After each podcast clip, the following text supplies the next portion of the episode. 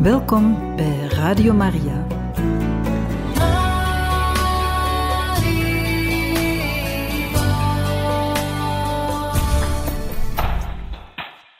Een zeer goede ochtend gewenst, beste luisteraars van Radio Maria.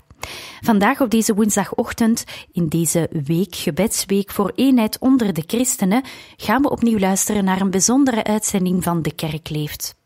Gisteren heeft u reeds een eerste deel kunnen horen van een langer interview met pater Jean Gijsens uit Chef Tonia. En vandaag gaan we luisteren naar het vervolg van dit gesprek, naar het tweede en laatste deel van dit interview.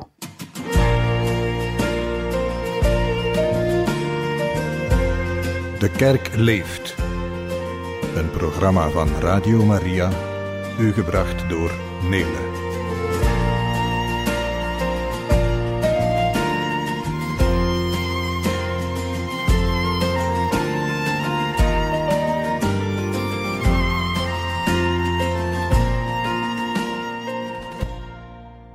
En welkom terug, beste luisteraars, in De Kerk Leeft, waar u momenteel kan luisteren naar een gesprek met Père Jean, opgenomen in de abdij van Chevetogne, een abdij met een bijzondere ecumenische roeping. U zei het begon eigenlijk met een, uh, een beter leren kennen van de orthodoxe wereld. Ja. En het is dan ook uitgebreid naar de uh, andere christelijke denominaties. Ja. Waarom is dat zo geëvolueerd? Omdat... Uh... Ja, wel, dat was dus, ik zou zeggen, het, uh, het monastieke leven op zich wordt dus gezien als een bijdrage tot de eenheid. Hè? Omdat we dus, ja, hoe meer we in Christus zijn, uh, uh, ja, hoe dichter we ook bij de anderen komen. Zo zou het toch moeten zijn. Hè? dat, was een sterke intuïtie van een koptische monnik, Mata al-Meskin. ja, maar um, ik denk dat van bij het begin van onze stichting ook al waren wij officieel gesticht met het oog op de orthodoxe kerken, de Oosterse kerken, um, waren spontane contacten. Er was interesse, bijvoorbeeld bij bepaalde Nederlandse uh, protestanten was er interesse voor een dergelijk initiatief. Er waren dus ook, uh, vooral in de Anglikaanse wereld, uh, was er een, een verlangen naar de eenheid, ook met de orthodoxie.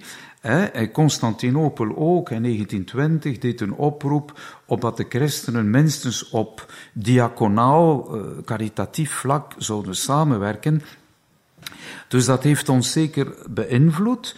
Dus die bezoekers. Um, en uh, ja, dus wij hebben toch heel wat bezoekers uit Nederland die een uh, gereformeerde achtergrond hebben. Um, en ja, dat is in de loop der jaren uh, gegroeid. Um, ja, ik zou zeggen, de Latijnse ritus, zeker wat betreft het goddelijk officie, dus de getijden, is eigenlijk uiterst bijbels. Hè? Psalmen en lange schriftlezingen. Ja, een protestant voelt zich daar goed bij. Misschien heeft hij moeite met het Frans als hij geen Frans kent, maar dat is een ander probleem. Hè? Uh, terwijl wat aantrekt in de Byzantijnse ritus, uh, dat is de hele symboliek. En ja, ook mensen die opgegroeid zijn in uiterst sobere kerken, voelen tegenwoordig meer nood aan vormgeving, aan schoonheid. En ja, de, dat spreekt zeker aan. Uh, dus uh, in die zin ontdekt men andere dimensies van het gebed ook. Hè? en dat leert onszelf ook onze eigen traditie op een andere manier beleven. Dus vandaar dat we hebben geopteerd voor een westerse kerk in basilicale stijl, omdat die dus aansluit bij een vroeg-christelijke architectuur, waar praktisch alle christenen zich goed in voelen. Hè. Dus het, het blijft toch soberder dan in het oosten, maar er is ook het beeld, enfin, dus l'image van de Pantocrator, eh, zoals in bepaalde Romeinse basilieken of zoals in Ravenna. Ja. Dus ik denk dat we um, door de liturgie eigenlijk de, de verschillende tradities bij elkaar proberen te brengen. Hè? En door verdieping van het essentiële. Dat is dus uh, heel belangrijk. En dat kan zijn gewoon door het spiritueel leven als monnik. Dat kan ook zijn door deel te nemen aan een uh, commissie van theologische dialoog. Er is iemand van ons lid van de uiterst officiële commissie Rome orthodoxe kerken. Um, die, diezelfde monnik die heeft ook een meer officieuze groep, um, um, Malin Conversations Group, van Anglikaanse en katholieke theologen tot stand gebracht. Um, ja, iemand anders is bezig hier in het bisdom Namen met uh, de ecumenische commissie. Dus dat hangt af van het talent van, van iedereen. Of je nu meer bezig bent met theologie, uh, of eerder met de gastvrijheid, of met schrijven van een artikel of zo. Hm. Mhm. Dus de monniken hier zijn niet per definitie allemaal theologen? Of, nee, nee. nee. Ja. Maar er is wel een minimum ja, van basiskennis. Hè. We lezen ook eh, in de refter nogal wat geschiedenis. Um, en dat geeft ook inzichten uh, over de complexiteit, plus de bepaalde ontmoetingen uh, die, die hier gebeuren. Uh, ja. Want hmm. de ontmoetingen waarover u spreekt, gaat, dat gaat dan over um, af, allee, afgevaardigden of delegaties van verschillende kerken die hier dan op bezoek komen voor, voor gesprekken of voor elkaar beter te leren kennen? Is te zeggen, um, vroeger gebeurde dat meer. Hè? Dus in die officiële studiedagen, die gebloeid hebben in de jaren 50, 60, 70 nog, um, ja, dat waren dan eerder theologen van verschillende kerken. Terwijl nu de gastvrijheid, dat is meer spontaan. Hè? Dus dat is gewoon een parochie, of dus een gemeente, zoals de hervormden zeggen, die, ja, waar mensen het initiatief nemen. Uh, dat is niet altijd uh, de predikant, soms wel. Wij willen eens Chevetonje bezoeken. We, hebben vrienden die daar geweest zijn, die dat uh, de moeite vinden. ja, en dus dat is veel meer. En die vragen dan een gesprek met de monnik. Ja, en dat gaat dan vaak over een beetje wat ik nu uitgebreid zeg korter en eventueel een initiatie in hoe het gebeurt in de Byzantijnse kerk.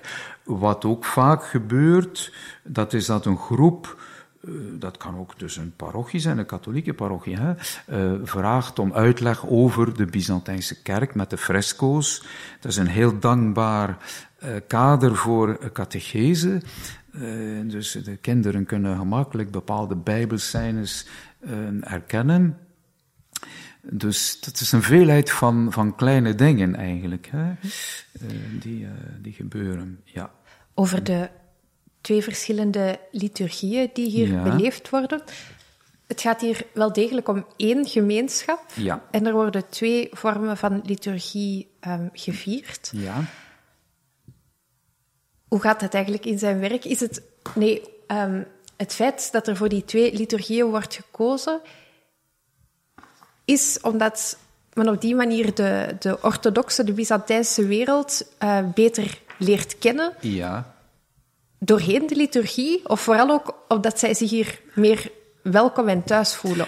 De twee, hè? want dus door het, het ernstig karakter van ons opnemen van die ritus. Dus we hebben van begin af aan, ja, dat was dus heel zwaar voor die eerste monniken, hè? dat waren westerse monniken. Mm -hmm. Laten we zeggen, we hebben daar niet zo'n beetje een mengelmoes van gemaakt, hè? zoals soms hier of daar eventueel gebeurt. Um, dus als orthodoxen kwamen of komen, zeggen ze ja, het is, het is serieus, ze nemen het serieus. Hè? En dat was ook de, de wens van Rome trouwens. Hè? Um, dus dat is één zaak. Um, ja, hoe het in zijn werk gaat. We, we hebben dus momenteel, momenteel, dat is dus al meerdere decennia, de volgende formule. Dus als iemand intreedt als novice, ja, dan moet hij openstaan voor de, de beide tradities. Je mag dus niet a priori zeggen, ik kies daarvoor of daarvoor. En de opleiding, het noviciaat van twee jaar, gebeurt in de ritus van je doopsel. En dat is bij 90% in de Latijnse ritus. Met stages in de andere ritus. Zo, de verantwoordelijken leren dan ook de bekwaamheid van de kandidaat kennen. En dus zijn verlangen speelt ook mee. De nood van de gemeenschap. En dus bij de professie uh, krijg je dan eigenlijk een, een, officiële toewijzing in een bepaalde ritus. Dat is niet iets absoluut. Hè. Recent is nog een monnik veranderd, omdat hij een functie gekregen heeft van prior. En als de abt in de Latijnse kerk is, is de prior in de Byzantijnse kerk. Um, ja, uh, op een gewone dag op hetzelfde uur, bijvoorbeeld zes uur s morgens, hebben wij in de Latijnse kerk de lauden. Die duren drie kwartier, omdat we uh, lange schriftlezing hebben. Bij de Byzantijnen noemen ze dat de metten en dat duurt een uur en een kwart. Dus wij hebben dan meer tijd voor Lectio Divina en persoonlijk gebed, dus voor mediterende omgang met de Heilige Schrift en oraison. Uh, ja, dus uh, op andere uh, dagen, dus drie keer per week hebben we een, een, een Eucharistie uh, die samen is. Dus dat is de zondag in de Byzantijnse kerk voor allen. Dus ook voor de Latijnen. De, één keer in de week een andere Latijnse mis. En een andere keer een Byzantijnse. Dus men noemt dat dan een goddelijke liturgie. Zo dus dat wil zeggen dat we toch met de beiden in contact komen. De, zaterdagavond hebben we meestal een lange Byzantijnse vigilie. Dus men noemt dat, dat zijn de vespers en de geanticipeerde metten.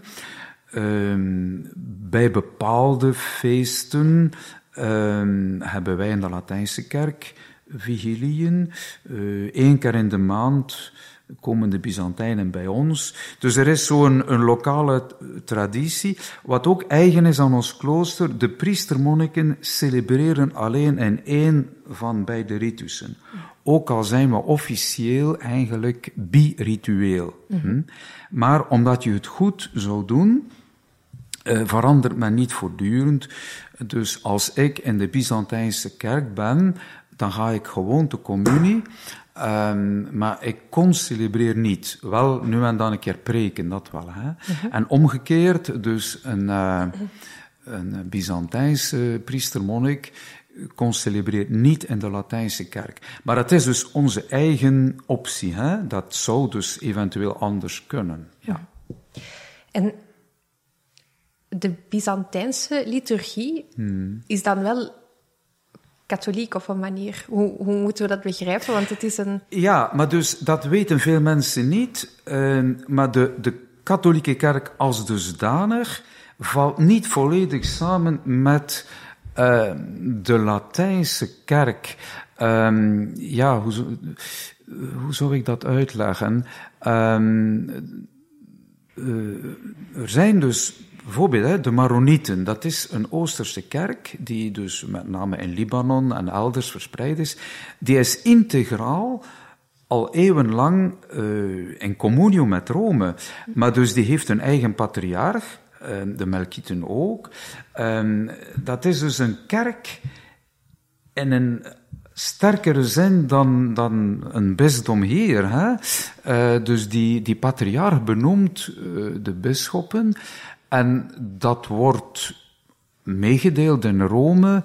Uh, maar dus de, de band speelt op een andere manier. Hè?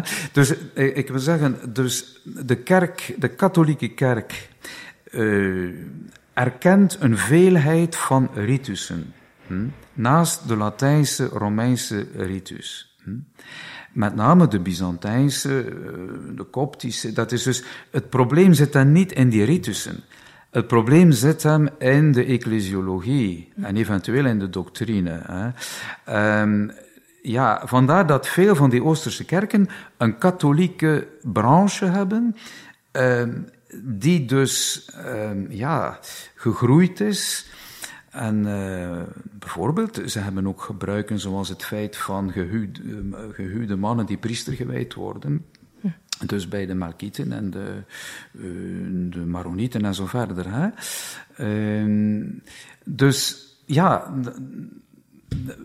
en omgekeerd, dat, dat is nog minder bekend, er bestaan ook orthodoxen van uh, westerse ritus. Dat bestaat in de Verenigde Staten en dat zijn over het algemeen geroepen protestanten die orthodox werden, maar die wilden een westerse liturgie hebben.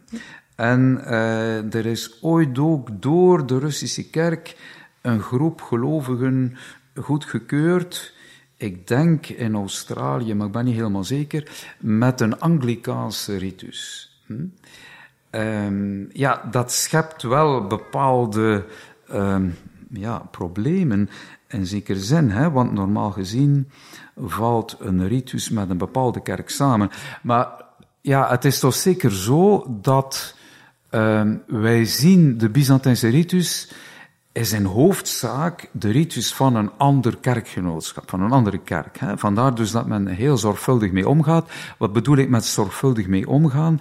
Wij gaan niet op eigen houtje dingen hervormen die niet, uh, ja, uh, waar de orthodoxen zelf niet achter zouden staan. Hè?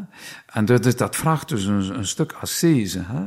Uh, natuurlijk er is ook een, zekere verscheidenheid, is ook aan het groeien binnen de orthodoxe wereld. Hè. Dus met name er is verschil over, eh, in verband met de taal, in verband met wat er in stilte wordt gebeden of luidop.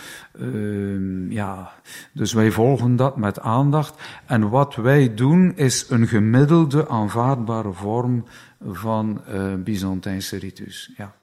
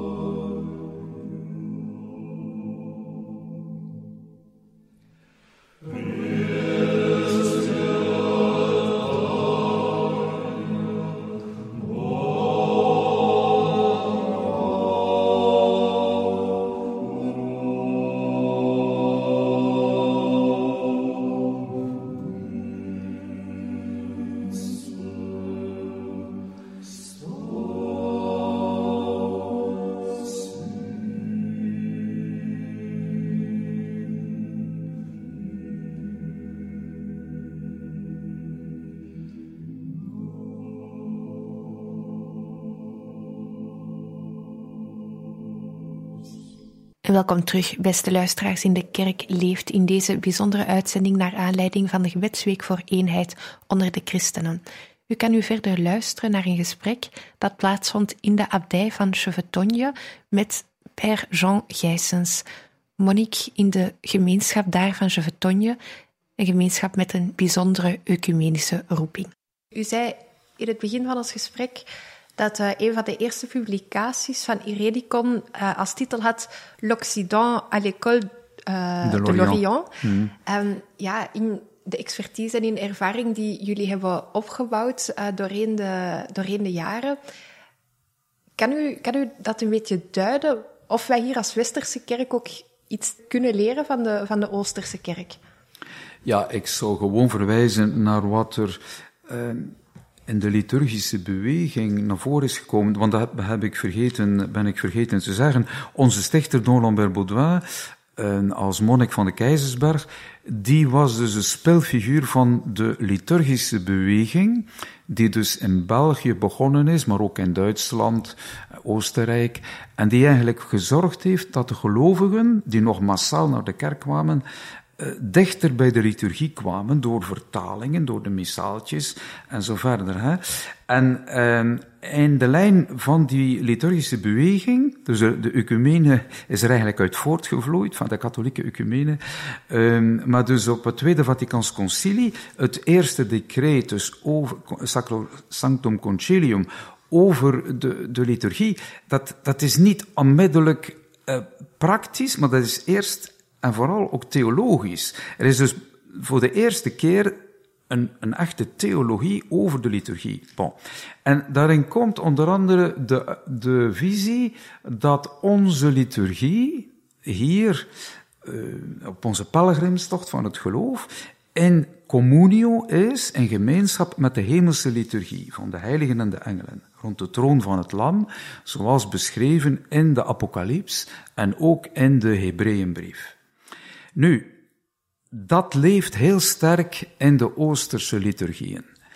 En ja, eh, dat leeft niet genoeg, mijns inziens, in het Westen. Hè? En het is dus iets wat we zeker kunnen leren. Hoe dat dan beter vorm kan krijgen, dat is een andere zaak. Maar gewoon nog maar de, de eerbied, de, de, de sacraliteit van de ruimte. Uh, ja, uh, het het is een geheel, hè. En wie bij ons komt, denk ik, voelt dat aan um, in beide kerken. Hè? Dus we hebben bijvoorbeeld in de Latijnse kerk een fresco, eh, een westers uh, fresco met de, het laatste hoofdstuk van de Apocalyps, dus het hemelse Jeruzalem. En dus als je dat ziet bij het binnenkomen, dan voel je, we worden opgenomen in iets wat ons overstijgt, wat er al is. En ja, eh, ik denk ook aan kardinaal Daniel Saliger, die, die sprak daar ook soms over. Hè. We hebben het verleerd om het huis van de liturgie binnen te gaan. Hè. Dus uh, ja, uh, het is niet allemaal maakbaar en we zijn niet alleen voor het aanschijn van God. Hè. En ja, dat, dat leeft sterk in, in het oosten. Uh, nu, uh, dat wil niet zeggen dat je het oosten moet gaan idealiseren. Hè. Ik denk ook aan een andere um, kerk, dus het, het Anglikanisme heeft bijvoorbeeld zeker in bepaalde diensten aspecten bewaard die, die misschien dichter staan ook bij, ja, bij het monarchisme, met name in de kathedrale officies, en ook een zekere openheid voor, voor, de, voor, voor wat ze in het oosten beleven. Hè. Uh, dus ja, de Anglikanen gaan niet gemakkelijk uh, oudere vormgevingen uh, afschaffen. Ze gaan eerder nieuwe toelaten en alles bestaat een beetje door elkaar. Hè. Ehm, ja, nu, ik, ik dat is maar één iets wat, ik, eh, wat met de binnen schiet. Hè. En... Uh, ja, er, er, er, zijn anderzijds dingen die in het oosten uh, verloren zijn. Bijvoorbeeld de gewijde stilte. Uh, dat vind je zeker in de oud-monastieke teksten. Hè. Stilte na een psalm of zo. Dat hebben ze praktisch niet. Ik denk dat spontaan een orthodoxe monnik zou zeggen, ja, voor de stilte moet je maar uh, in de woestijn gaan of in het bos of op je cel blijven. Uh, terwijl in het Westen hebben wij de gewijde stilte opnieuw uh, ontdekt, bijvoorbeeld na een schriftlezing, zeker in een officie, hebben wij enkele minuten stilte om dat woord Gods te laten doordringen. Hè. Ehm, ja, dus wij hebben ook een grotere rijkdom aan schriftlezingen uh, sedert dus de liturgische hervorming. Uh, en dus, ja, dat, dat is een aspect die ze waarschijnlijk van ons kunnen leren. Maar dat, dat is niet aan mij om te zeggen wat het Oosten kan leren van het Westen eigenlijk. Ja. Mm. Vat ik het dan goed samen dat het mm. belang dat hier wordt gehecht aan de liturgie in mm. verschillende riten echt vanuit het idee is dat de liturgie de plaats is bij uitstek om tot godsontmoeting te komen. En dat, uh... Ja, dat is dus wel eigen aan de, aan de monach, monastieke spiritualiteit, die eigenlijk de eh, patristieke benadering is, het objectieve, hè? dus de mystiek wortelt in de sacramenten, hè? maar de sacramenten zijn de sacramenten van het geloof. En het geloof wordt gevoed eh, door het woord van God, wat gelezen wordt in de kerk, zowel in de uh, zichtbare zin van de gemeenschap die verzameld is, als in de onzichtbare zin, allen die ons zijn voorgegaan. Wij zijn niet de eersten die uh, omgaan met de schrift. En, maar wij hebben ook onze bijdrage te leveren. Een ander document van Vaticanum II, wat ik heel belangrijk vind, dat is dus uh, over de goddelijke openbaring. Hè? Want daarin uh, wordt toch ook gezegd dus dat de traditie groeit ook doorheen de meditatie van de gelovigen hè? en de geloofszin. Maar dus die, die, dat zijn aspecten, denk ik, die niet genoeg zijn doorgedrongen uh, ja, uh, bij onze gelovigen. En ik zie dus ook een opdracht daarin, hè? Uh, ja, de geloofsverdieping en uh, eventueel ook binnenkerkelijke ecumene, om zo te zeggen. Dat is een, een nieuw aspect waar eh, ik gevoelig voor ben en wat moeilijker is op emotioneel vlak. Hm, uh, het is soms relatief gemakkelijker om te spreken met mensen van een totaal andere kerk uh, dan met mensen met verschillende uh, visies binnen de eigen kerk. Um, ik denk dat we daarin ons nog moeten oefenen. Maar je moet natuurlijk kunnen uitgaan van een bepaalde basis. Hè? En uh, dus ik, ik wil gewoon iets citeren van kardinaal Kasper. Dat was dus in Sibiu in uh, 2007. Dat was de derde ecumenische Europese verzameling met 2500 uh, deelnemers, georganiseerd door de conferentie van de Europese kerken en de raad van de bisschoppenconferenties. En dus hij zegde, voilà, iedere kerk of uh, kerkgemeenschap moet op een positieve manier zijn huidige positie uh, ja, presenteren, niet op een polemische manier of op een um, een gesloten manier. Dus we moeten uitleggen waarom we iets belangrijk vinden, welke de waarde ervan is. Hm? Maar een vage religiositeit zal nergens toe leiden. Hè? Uh, wat we nodig hebben is een, het solide voedsel van een geëngageerd en beleefd geloof. Hm? Uh, dus we moeten uitgaan van de gemeenschappelijke basis, namelijk um, één Heer Jezus Christus, één God en Vader, één doopsel en één kerk. En we zijn op zoek naar de nieuwe zichtbare eenheid. Hm? Ja. Per Jean, heel hartelijk bedankt voor uw hm. tijd, voor het interessante gesprek. Hm. We hebben zeker niet alles behandeld, uh, maar ik heb tot slot nog twee vragen om af te ronden. Um, ten eerste, is voor jullie de week van gebed voor eenheid onder de christenen een speciale week? Ja, wij hadden vroeger dan elke dag een uh, gezongen plechtige Eucharistieviering. Uh, de laatste jaren uh, was er dat niet. Maar dus een of andere monnik neemt deel aan initiatieven hier in het bisdom. Hm? Uh, dat kan in Aarlen zijn, dat kan in Namen zijn. Uh, dan uh, tot nu toe werd elk jaar door de, de commissie van namen een ander kerkgenootschap uitgenodigd. En enkele van die verantwoordelijken die komen dan ook hier de communiteit ontmoeten en ook mensen die geïnteresseerd zijn. En dat is dan altijd een heel interessant, uh, dus een getuigenis.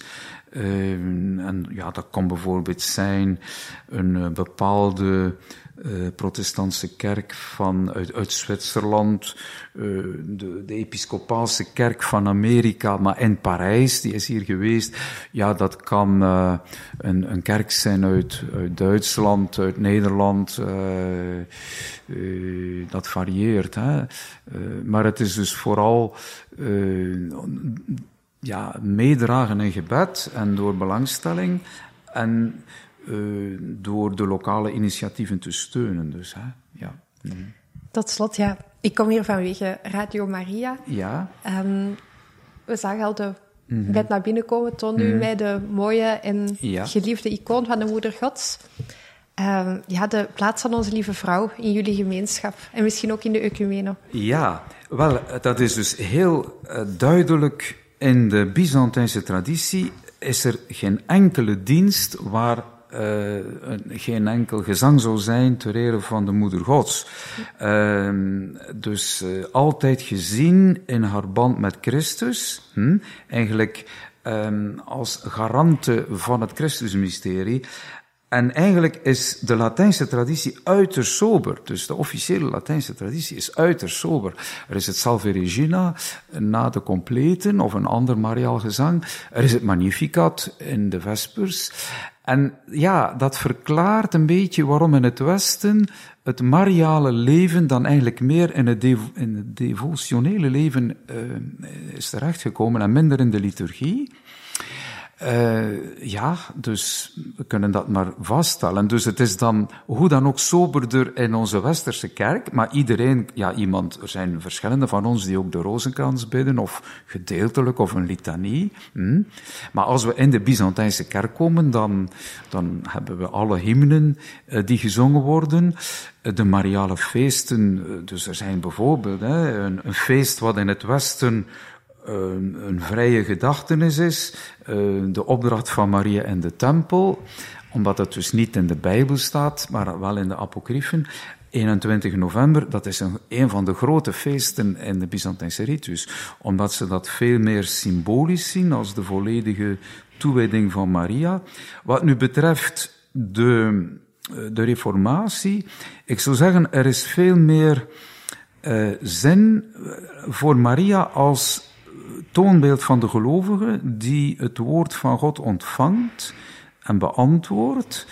Uh, dat is een aspect wat bijvoorbeeld ook Saint Thérèse de l'Enfant Jésus de Lisieux was daar ook gevoelig voor. Hè? Eh, de navolgbare Maria. Hè? Dus niet alleen het contempleren van de hemelse figuur, maar ook ja, Maria als eerste leerlinge. Maar met name dan in het Anglicanisme, uh, dus in de dialoog, is er een, een heel belangrijk document verschenen. Dus ik heb dat alleen maar in het Frans voor mijn ogen hier. Uh, ah, toch nee, in het Engels ook. De titel zoek ik nu. Dus Marie dans le paradigme de la grâce et de l'espérance.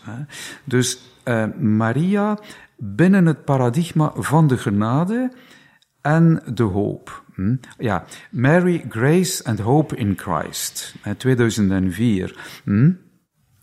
Ehm, dus ik denk dat er ook een, uh, een groei is daarin, maar het is heel belangrijk om de, het evenwicht van de geloofsmysteries eh, te bewaren. En dus dat is de zorg van de liturgie en van een zekere soberheid. Hè.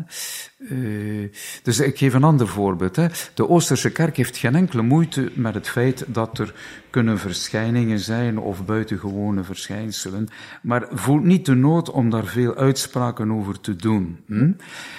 Dat ligt anders in de Rooms-Katholieke Kerk met een gevaar dat bepaalde mensen uh, bepaalde manifestaties gaan verabsoluteren, als het ware een criterium maken van, ja, je moet erin geloven, anders ben je niet echt een, eh, een beminnaar van Maria. Uh, ik denk niet dat dat uh, opportun is. Hè? Dus uh, we, we, zoeken naar een, naar een goed evenwicht. En, maar het is zeker zo dat de, de oud-christelijke benadering dus die je vindt in de, in de Byzantijnse en andere Oosterse liturgieën, is een grote rijkdom. En eigenlijk zou dat het mariale leven in het Westen heel goed kunnen voeden. Dus ik zou zeggen, eerder dan in het sentimentele te gaan, eh, toch wat meer in het dogmatische, want het gaat altijd over haar moederschap en over het feit dat ze Christus aan de wereld schenkt en dat ze voor ons ten beste spreekt. Jean, heel hartelijk dank. Ja. Dios te salve reina, madre de misericordia. Vida, dulzura y esperanza nuestra, Dios te salve. A ti llamamos los desterrados hijos de Eva. A ti suspiramos, gimiendo y llorando en este valle de lágrimas, pues Señor, abogada nuestra, vuelve a nosotros tus ojos misericordiosos. Y después de este destierro, Muéstranos a Jesús, fruto bendito de tu vientre. Oh clemente, oh piadosa, oh dulce